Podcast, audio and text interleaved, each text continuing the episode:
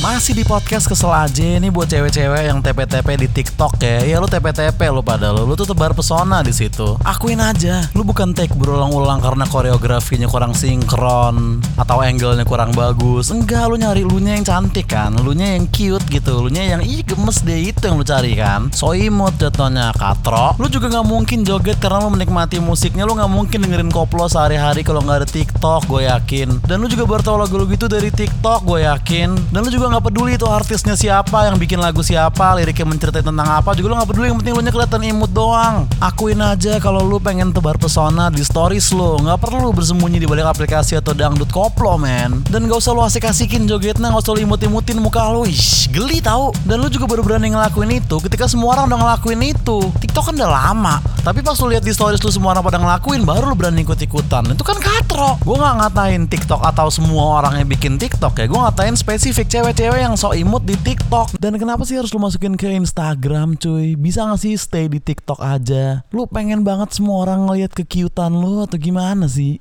Norak bos. Sumpah katro itu.